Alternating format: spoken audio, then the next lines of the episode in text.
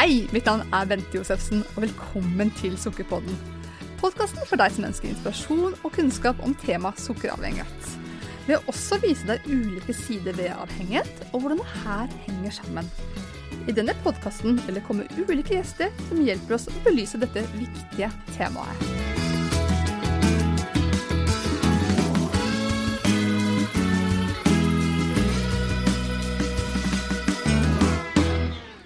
Til vanlig så pleier jeg å introdusere denne sukkerpodden med 'Med meg i dag har jeg'. Den passer ikke helt i dag, for i dag har jeg nemlig gjort en liten vri. Jeg har i dag valgt at jeg går alene på lufta. Og dette her har jeg tenkt en liten stund på, fordi jeg har et ønske nå om å gå, sånn, dypdykke litt mer i temaet sukkeravhengighet. For mitt spesialområde det er jo nettopp sukkeravhengighet, og mitt selskap Frisk uten sukker vi er jo spesialiserte på å hjelpe mennesker med sukkeravhengighet.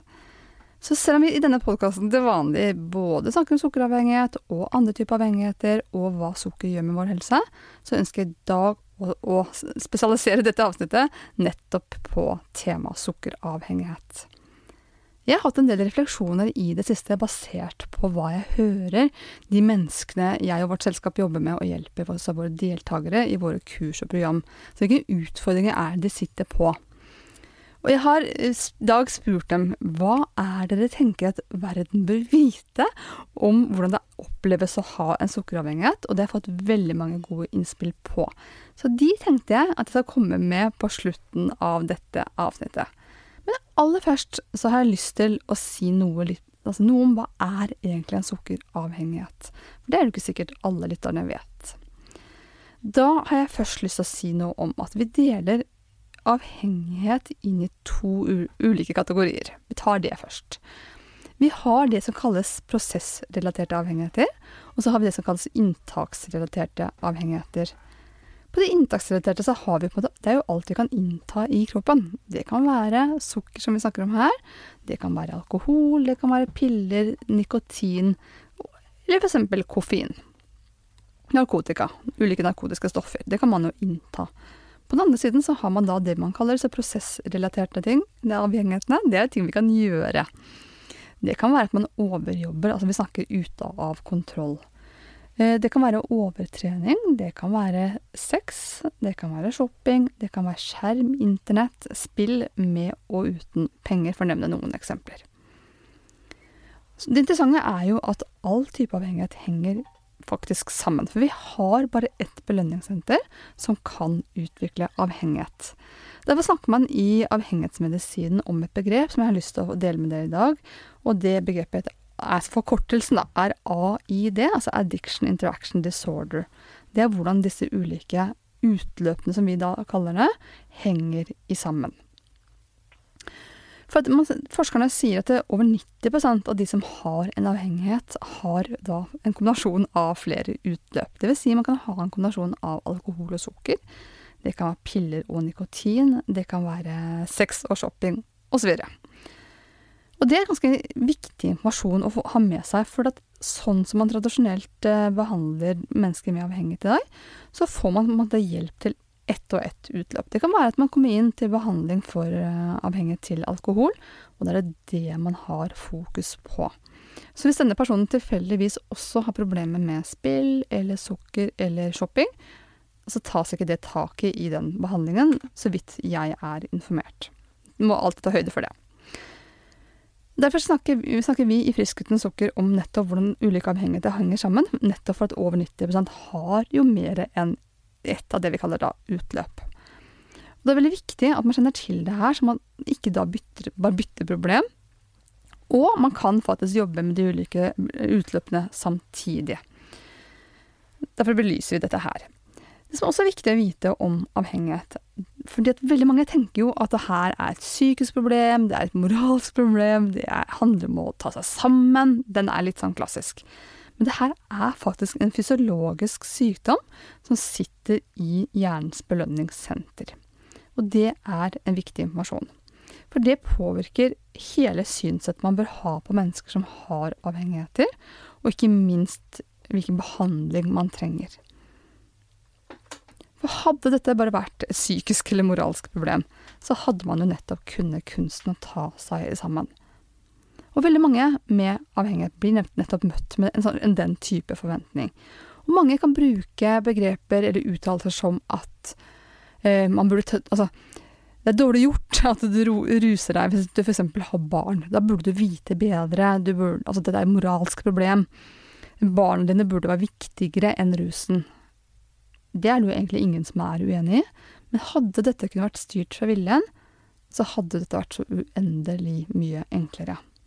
Men fordi dette her er en fysiologisk sykdom som blir styrt av hjernens belønningssenter, så er det dessverre ikke fullt så enkelt. For da tror jeg egentlig alle med avhengigheter hadde tatt seg i sammen.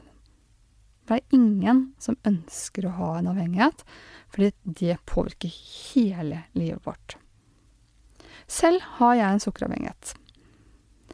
Og det jeg på en måte er jeg jo egentlig også glad for. Det gjør meg i hvert fall i stand til å gjøre den jobben jeg gjør, for jeg har jo innsikt i og forstår hvordan folk har det. Og avhengighet det er jo også da en, det man kaller en kronisk sykdom. Det er ikke noe som går over. Eh, har man først liksom fått en avhengighet, ja, så er den dessverre der for alltid. Og hvordan kan jeg si det? Jo, nettopp fordi at når belønningssenteret er det vi kaller aktivert, så er ikke det en reversibel prosess, uansett om vi skulle ønske oss det aldri så mye. Det blir litt som Forestill deg en drue som har tørket inn til en rosin. Jeg har til gode å se at noen klarer å gjøre en rosin om til en drue igjen. Og det er det som på en måte skjer i hjernens, hjernens belønningssenter når det først er blitt aktivert. Så er det ikke mulig å reversere det som en prosess. Det handler om flere ting. Men vi som har en genetisk disposisjon for å utvikle avhengighet, for det her handler veldig mye om genetikk Når vi kommer i kontakt med det som kan være avhengighetsskapende for oss, som f.eks. sukker, så utskiller vi mye mer av dette hormonet som kalles dopamin, som er sånn lykkehormon som alle på en måte egentlig Alle skal jo ha det. Det er jo en bra ting å ha dopamin. Men når hjernen overreagerer med å utskille mye mer dopamin enn det vanlige mennesker får ved f.eks. å spise sukker, så blir det et problem for oss. For i prinsippet så får alle mennesker en viss belønning hvis de spiser f.eks. en sjokolade. Og dette her, hvis man tenker tilbake til da mennesker levde mer i pakt med naturen, så var det en nyttig respons i hjernen, fordi det hadde dem ikke så ofte tilgang til noe søtt.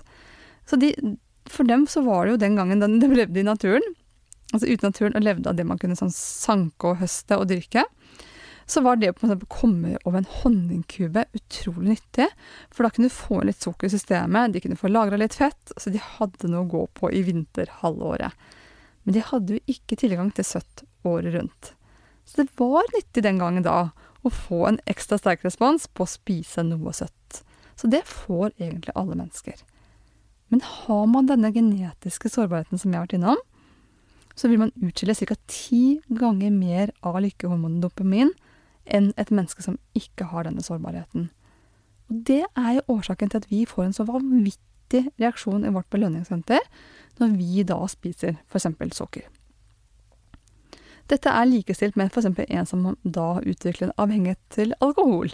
At første gang de smaker alkohol, så vil de kanskje få en helt annen respons enn en som ikke har denne genetikken ikke har denne sårbarheten.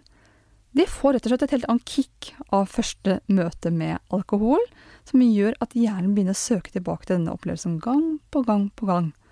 Og sånn er det faktisk også med sukker.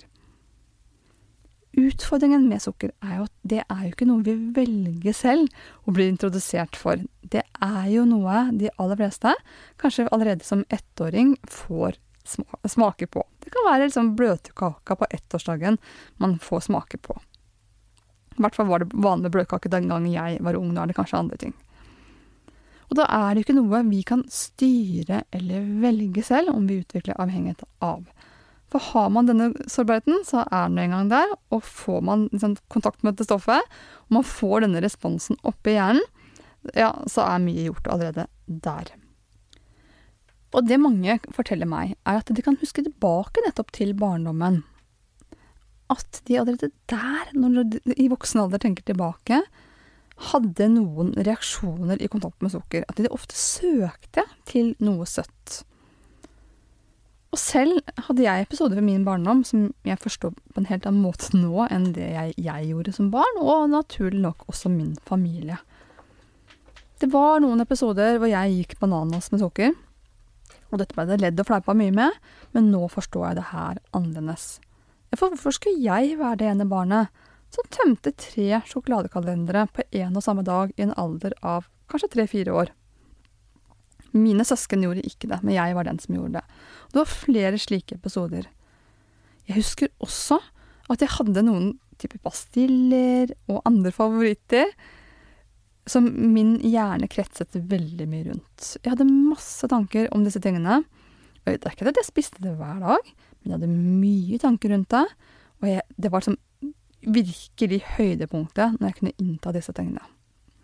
Og ingenting av det her ble jo spist i noe sakte, langsomt tempo, for å si det forsiktig. Det gikk jo ned på høykant. Dette her kan være tegn på at man er i ferd med å utvikle en sukkeravhengighet. Nå er det sånn at avhengigheter, uansett hva slags type utløp man har, utvikler seg også over tid. Og dette handler om flere ting. Men jeg har jo vært innom det her at det er en fysiologisk sykdom. Den sitter i hjernens belønningssenter. For det er nemlig sånn at når vi da, som jeg var inne på tidligere, utskiller veldig mye dopamin i kontakt med det vi kan bli avhengig av, som i dette tilfellet sukkeret, så er det sånn at det, det blir jo veldig mye dopamin oppi hjernen. Og til vanlig så er det sånn at vi har, altså vi har noen reseptorer i hjernen, som det heter. Noen mottakere som skal ta imot dette lykkehormonet. Og til vanlig så er bare 50% av disse mottakerne i bruk. Halvparten skal på en måte være en reserve i tilfelle vi plutselig har behov for noen ekstra mottakere. Når vi utskiller så mye dopamin som vi gjør, fordi vi også spiser ofte, og vi utskiller en naturlig større mengde når vi spiser sukker, så blir det for mye for disse reseptorene. Det blir rett og slett for mye. Og det hjernen gjør da, da gjør den først det vi kaller en oppregulering av, um, av disse reseptorene, mottakerne. Så den først så skaper den altså dobbelt så mange mottakere, sånn at den igjen kan fordele alt dette dopaminet på flere mottakere, så ikke de blir helt fulle. Så det igjen, det bare er 50% av mottakerne som er aktive. Da har den gjort opp, det vi kaller en oppregulering, altså en fysisk ombygging av hjernens belønningssenter. Utfordringen er at det får oss dessverre ikke til å stoppe, for hjernen vil søke dette her kicket gang på gang på gang på gang. Og da blir det igjen for mye oppi belønningssenteret. Og det hjernen gjør da, det er neste fysiologiske ombygging av dette belønningssenteret. Da gjør den det man kaller en nedregulering. Det den da gjør, forestill deg som om det er noen lokk som legges oppå disse mottakerne eller reseptorene, som gjør at dopamin ikke kommer ned i disse mottakerne. Da får man ikke lenger samme effekten av det man driver med. Og den effekten er jo helt sentral. Hva skjer da? Jo, da har man lett for å by, i første omgang å øke mengden. Og det gjør man uansett om det er sukker det er snakk om, eller det er alkohol, narkotika, piller osv. Da øker man omfanget. I jakten på å prøve å få samme effekten. Og hvis ikke det fungerer, så kan man ty til sterkere stoffer, eller man kan gjøre altså et bytte av et utløp. Altså man kan gå fra sukker til alkohol, det har jeg sett flere ganger. Man kan gå fra nikotin til alkohol, man kan gå fra hasj og til sterkere stoffer. Og det her er utrolig viktig å vite, kjenne til. Og altså, dette her er jo årsaken til at også avhengigheter da utvikler seg over tid og blir mer og mer alvorlig. Man går inn i noen ulike faser. Så hvis man ikke får hjelp da, til å komme ut av det her, så vil man jo oppleve seg sykere og sykere, trenger større og større mengde, og det influerer livet i større og større grad etter hvert. I starten så oppleves det kanskje som sånn et lite problem, litt sånn subtilt. Man har noen episoder, men det har ikke tatt liksom helt overhånd over livet. Men etter hvert så vil det her ta mer og mer overhånd over livet. Det vil påvirke den fysiske helsen, den psykiske helsen, det sosiale liv, økonomien og rett og slett oppfattelsen av å ha en mening med livet. Det triste er jo at en av de typiske atferdsmønstrene når man har utviklet en avhengighet, det er at man får et ekstremt behov, de aller fleste i hvert fall, til å gjemme og smyge atferden. Man gjemmer det man gjør. Fordi det her oppleves så utrolig skamfullt at man ikke har kontroll på det man driver med. Man skjønner at det man driver med er, er ikke helt sosialt akseptert. Det tar seg ikke helt pent ut å spise enorme mengder f.eks. med sukker, eller drikke enorme mengder med alkohol. Man begynner å gjøre det her i skjul og i smug. Og dermed så tar det også gjerne litt tid før omgivelsene forstår at man har et problem. Det de kanskje ser, det er at vi kan være slitne, uopplagte, vi kan være utålmodige, kanskje begynner vi å få noen helseproblemer. Men det er jo blitt så vanlig i dag, at hvem reagerer vel på det? Så vi har Altså, toppen av isfjellet er jo det andre ser, og så under dette isfjellet, under vannskorpa, så er det en haug av problemer som er skjult for omgivelsene, og hvor ille vi kan føle oss, det er det de færreste som vet. Og fordi det dessverre er så utrolig skambelagt, så er det jo også de færreste som snakker høyt om det her, som forteller til partnere, familie for øvrig, eller eksempel fastlegen. Så mange går rundt det her i årevis og gjør alt de kan for å prøve å ta kontroll på det her. Og da begynner man etter hvert å bli ganske kreativ, mange, og prøver med ulike kurer, ulike dietter. Og noen tyr også til det vi kaller kompenserende strategier. At man f.eks. i det ene øyeblikket spiser enorme mengder, for så å sulte seg litt. Spise enorme mengder. Noen begynner å kaste opp. Andre til lakserende midler, og noen begynner f.eks. å overtrene. Det er veldig vanlig at mange har vært gjennom utallige kurer og dietter som skal prøve å rette på de problemene man får som følge av det her, og prøve å ta en kontroll. Ja, og noen av disse kan jo også fungere i korte eller lengre perioder, men sjeldent livslangt. Og det er for at disse programmene er ikke skreddersydd hvis man har utviklet en avhengighet. Det som også er nyttig å vite, er jo at i det norske språket, når vi snakker om avhengighet, så er det mye forvirring. Man, mange forstår faktisk ikke alvoret bak dette begrepet. På det engelske språket så snakker man om addiction, og da forstår man at man snakker om en fysiologisk sykdom som gjør at man mister kontrollen. Når vi snakker om avhengighet i det norske språket, så bruker det i så veldig mange sammenhenger. Jeg kan si at jeg, nå er jeg avhengig av at lyden fungerer. Jeg er avhengig av at jeg kommer meg på internett i dag, for jeg skal gjøre en viktig jobb. Jeg er avhengig av gode venner. Hva er det jeg ikke kan være avhengig av? Men det vi egentlig snakker om da, det er jo ikke sykdommen i belønningssenteret, addiction. Vi snakker om et behov vi har, eller eventuelt et ønske. Og dette skaper jo forvirring. Og mange sier jo at alle er jo avhengig av sukker. Det stemmer jo ikke. Og heldigvis, må jeg jo få si. Det er bra at ikke alle er avhengig av sukker. Det er mange som er glad i sukker. Man kan oppleve søtsug, men det trenger ikke nødvendigvis bety at man har utviklet en avhengighet. Vi skiller på to ulike kategorier. Vi skiller på avhengighet og det man kaller et skadelig bruk. For har man bare et skadelig bruk, så har man kanskje et høyt konsum, spiser mye, spiser ofte, kanskje i perioder, men det har da ikke utviklet seg, denne avhengigheten i hjernens belønningssenter. Det er rett og slett en dårlig livsstil. Man kan absolutt gå rundt og oppleve at man har søtsug fordi man har et kosthold som sender blodsukkeret inn i en sånn evig rollercoaster, som faktisk kan gi et søtsug. Det trenger likevel ikke være en avhengighet. For har man utviklet en avhengighet, så er det jo da hjernens belønningssenter som er aktivert, som jeg har vært innom tidligere. Da er det disse reseptorene, mottakerne, som har ombygd seg. Økt i omfang, og etter hvert stenger av signalene. Det er noe helt annet enn å bare ha en dårlig livsstil. Og det vil være veldig altså, avgjørende å ha informasjon om dette her, for å vite hva slags type hjelp og behandling den enkelte trenger. Det er superviktig informasjon å ha.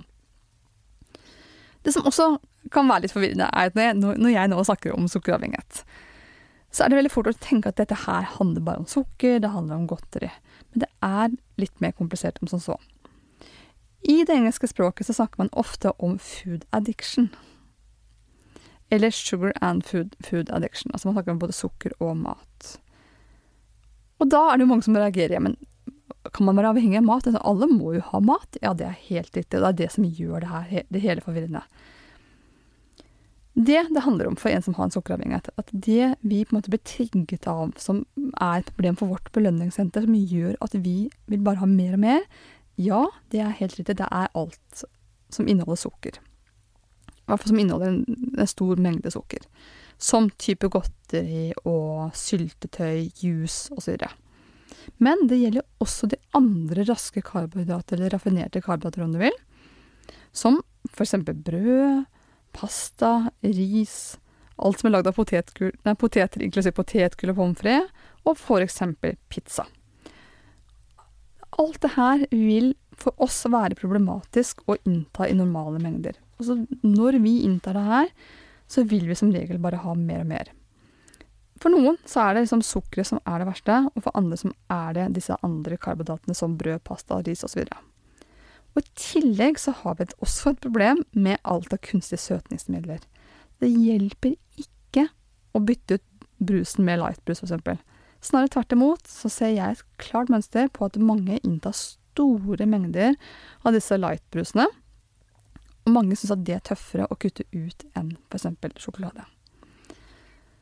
Så innunder begrepet sukkeravhengighet, som er det begrepet vi bruker her i Norden, så inngår da altså både sukker, alt av korn og mel og alt som blir laget av det, og også da søtningsmidler, inklusiv også de naturlige som honning, kokosblomstsukker og stevia osv. Så, videre.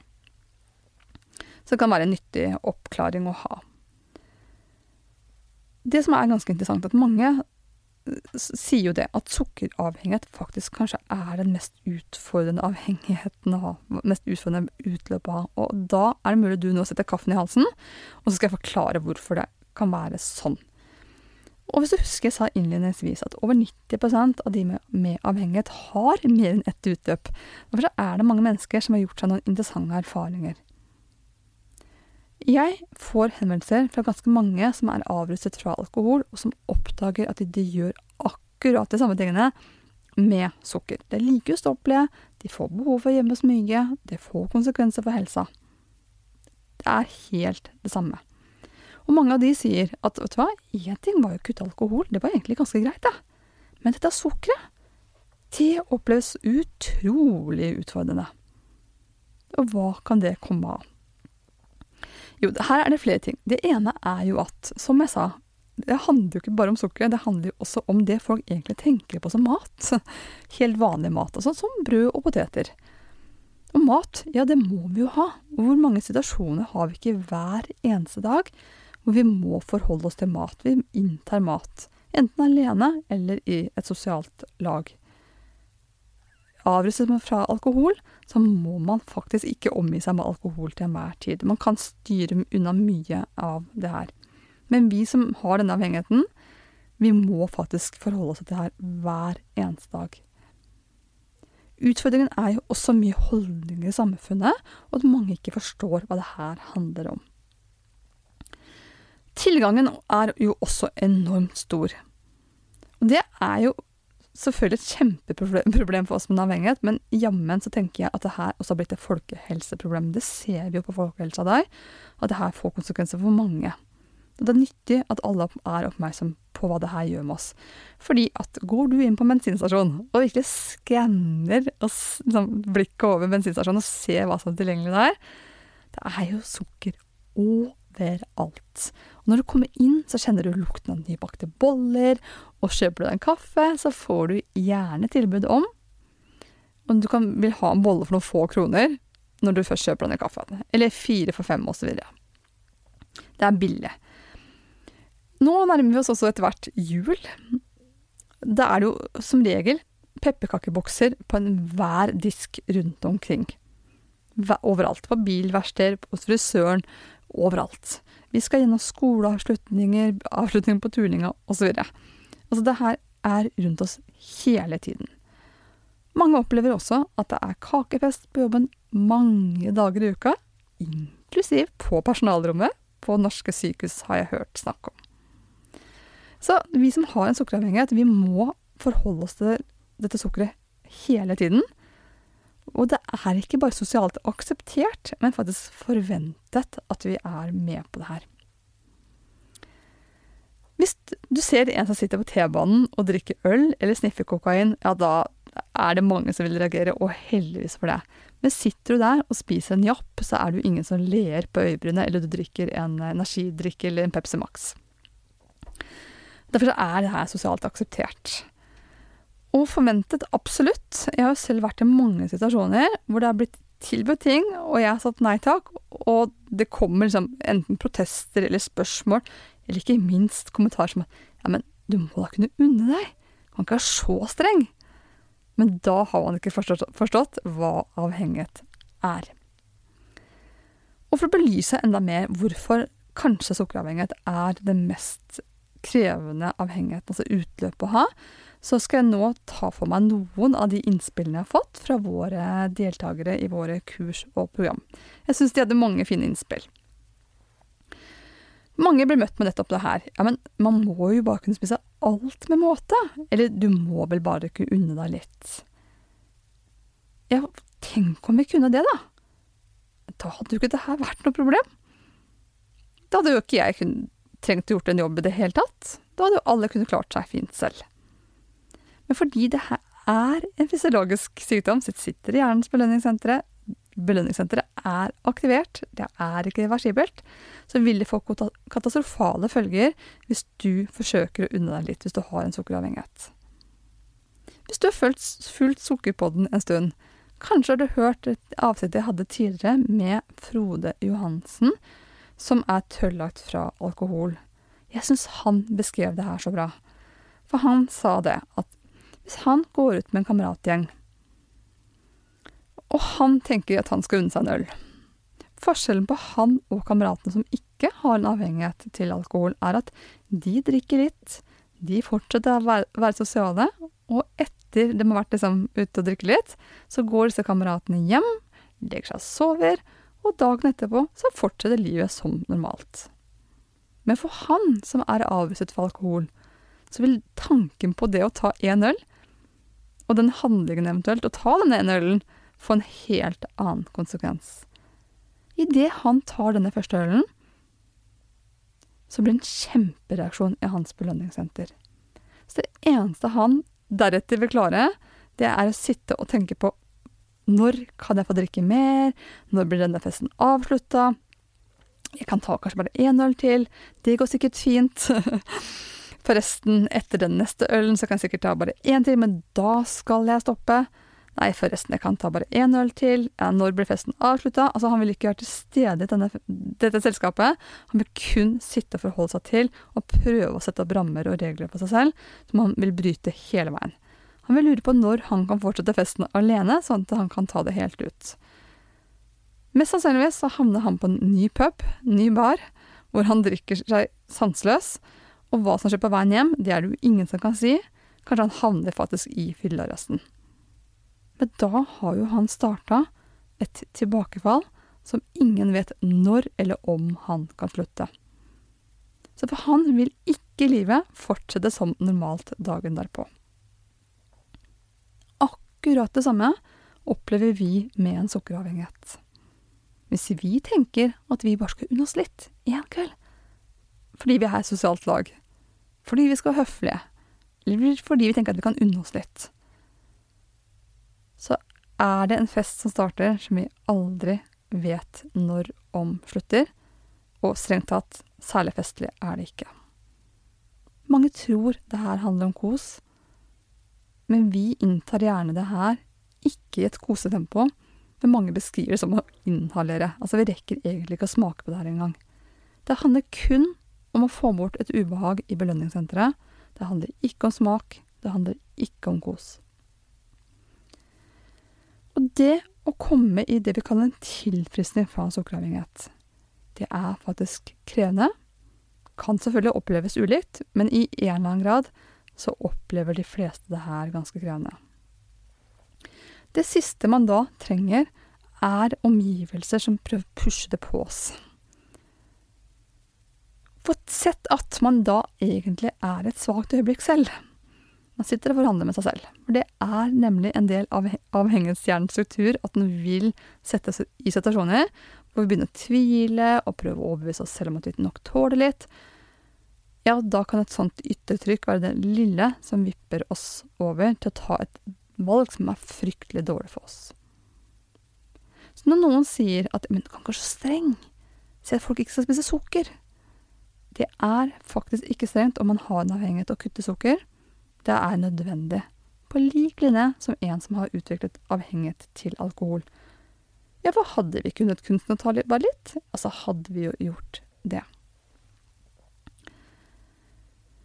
Det det her handler om for oss, det er jo å styre unna alt som kan trigge hjernens belønningssenter. Fordi det vil skape et behov for bare å spise mer og mer og mer. Og skape et tankekjør til enhver tid, et evig sånn sug og cravings. Og livet kretser mest rundt dette. Det er nok vanskelig for de som aldri har opplevd det her, å forstå det, og det har jeg full forståelse for. Derfor håper jeg allikevel at hvis du hører på denne podkasten her, og ikke selv er rammet av det her, men kjenner noen som er det, og at du kan sette, altså, respektere de grenser denne personen prøver å sette for seg, for den vet nok best selv. Mange beskriver også at det som er veldig krevende, er at stadig vekk så sitter folk rundt oss, og så spiser de ting som vi da skal holde oss unna. Og når man har levd lenge i tilfredshet, sånn som jeg har gjort Jeg har levd i tilfredshet i litt over fire år, så begynner det her å bli bedre og bedre. Innimellom kan det være problematisk å se at andre sitter og spiser ting som kanskje tidligere har vært mine favoritter, men det er heldigvis ikke så ofte lenger. Men i starten kan det her være veldig krevende. Og den refleksen hos folk til å liksom skjerme oss for det her, den er ikke nødvendigvis til stede, og det forstår jeg også. Men sett at du hadde en venn, et familiemedlem, du visste akkurat hadde vært i avrusning for alkohol, så hadde man kanskje, hvis man inviterte til et middagsselskap, la være å sette frem alkohol. Det hensynet går det faktisk også an å ta når det gjelder en med sukkeravhengighet. Kanskje trenger de ikke å flomme over med masse sukker rundt en som er midt i sin første fase med å prøve å komme seg i tilprisning. Videre er det mange som har sagt at det er, også på arbeidsplasser serveres veldig mye kaker til enhver tid. Skal vi være gledesdrepere og tenke at vi tar fra alle kosene for at alle skal ta hensyn til oss? Det er ikke sikkert det, men jeg tenker jo at er det bortkasta? Å tenke litt igjennom hva man serverer? Er det strengt tatt noen som har godt av kake fem dager i uka? Så det å ha en kollektiv bevissthet rundt at man ønsker å fremme gode verdier, det kan neppe skade noen. Så har noen kommet med innspill til meg. Tilbake til innspillene jeg har fått fra våre medlemmer. At mange reagerer for det, fordi vi sier at vi kan ikke spise poteter eller brød med brunost. Ja, for det er jo tradisjon. Det har jeg jo selv hørt. Altså, mine foreldre vokste opp under krigen, og som de sier, vi hadde jo ikke overlevd uten poteten. Og jeg er jo veldig glad for, selvsagt, at de overlevde, så at jeg også nå lever i dag. Det betyr jo ikke at det er lurt av meg å spise potet i dag, når det trigger mitt belønningssenter. Poteten i seg er kanskje ikke den problematiske, det er jo det som skjer i etterkant hvis jeg spiser potet som er et problem. Fordi det vil vekke mitt belønningssenter, det vil gjøre at jeg får lyst på mye annet som aldeles ikke er sunt for meg.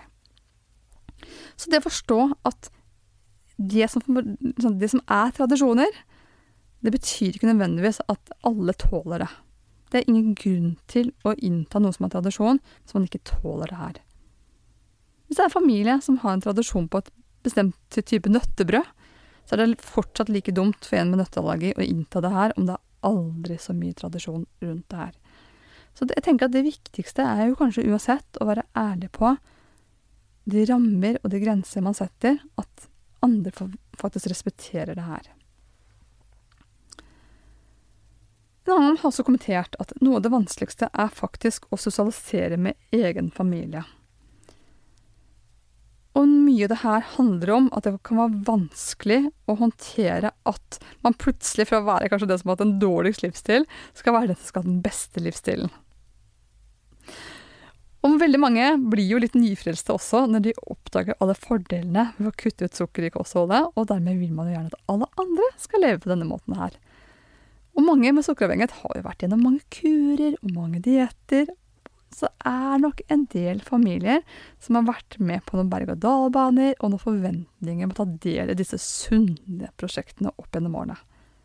Så jeg kan jo forstå at noen familiemedlemmer kan tenke at åh, ja, nå er han eller hun i gang med nok et prosjekt som vi må ta del i. Det er faktisk forståelig. Det som er viktig å forstå, er at vi i Frisk uten sukker vi snakker om et FUS-kosthold, en FUS-livsstil. Det her er ikke en ny kurdiett vi setter folk i gang med, men det er faktisk en livsstil som gjør at men mennesker med en sukkeravhengighet kan komme seg over i det man kaller en varig tilfriskning. Og da tar vi hensyn til både sammensetning av kostholdet generelt, at vi må ha en riktig sammensetning av det vi kaller karbohydrater, fett og proteiner, og i tillegg tar vi hensyn til disse triggerne som jeg har vært litt innom, som avgjør om belønningssenteret ror seg ned eller ikke. Og I tillegg så har vi noen mentale verktøy, og vi har et fellesskap vi anbefaler, som har denne helheten som avgjør om man klarer å stå i tilfredsstilling over tid. Og det er klart at det er vanskelig, jeg skjønner det, for familiemedlemmer å henge på at det, man skal i gang med nok en greie. Men da er det uansett viktig å ha tillit til at det her er riktig for ditt familiemedlem, hvis du nå er en pårørende, og forstå at det her er ikke bare en quick fix. Det her er en varig livsstil som vil gjøre at ditt familiemedlem eller din venn eller hvem det måtte være, kan få et bedre liv. Fordi da leder det her meg inn på neste kommentar jeg har fått.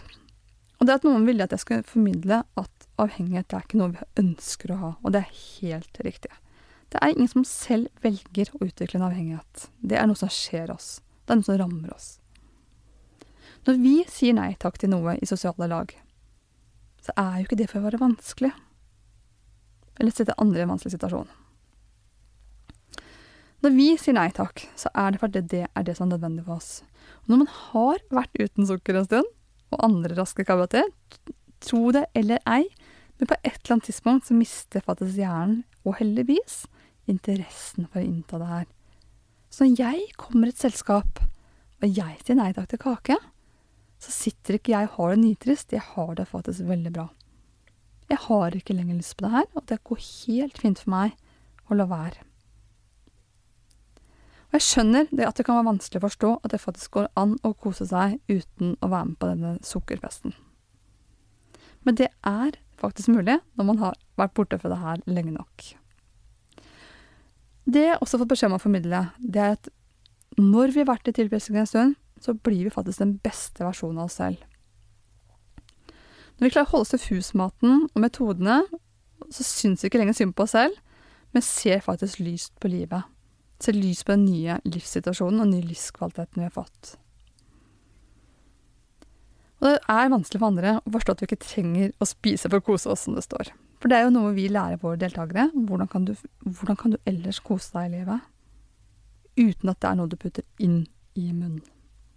Så enkelt, men allikevel så vanskelig. Dette var de viktigste spørsmålene jeg har fått inn, og kommentarene, og det mine deltakere har sagt at de ønsker å få formidlet til omverdenen. Mulig vi tar opp tråden en senere gang, for dette her er et stort tema. Blant annet dette her med ja, medavhengighet er jo et tema. Hvordan det her påvirker omgivelsene, kan vi bore mye, så det skal vi nok komme tilbake til. Hvis du ønsker mer informasjon eller bistand med en sukkeravhengighet, så gå inn på vår hjemmeside www.friskutensukker.no. Der finner du oversikt over de ulike kursene og programmene vi har. I dag vil jeg nevne spesielt vårt medlemskap Stayfuse, som har vært en avgjørende betydning for mange av våre medlemmer. Du vil umiddelbart få tilgang til ulike kursvideoer som forteller trinn for trinn alt du trenger å vite både om maten og de mentale verktøyene, og du får et fantastisk fellesskap med likesinnede. dette her så håper jeg at du har fått mange nyttige innspill og nye ideer og ny kunnskap om hva avhengighet generelt og sukkeravhengighet spesielt handler om med her, så ønsker jeg deg en fin dag.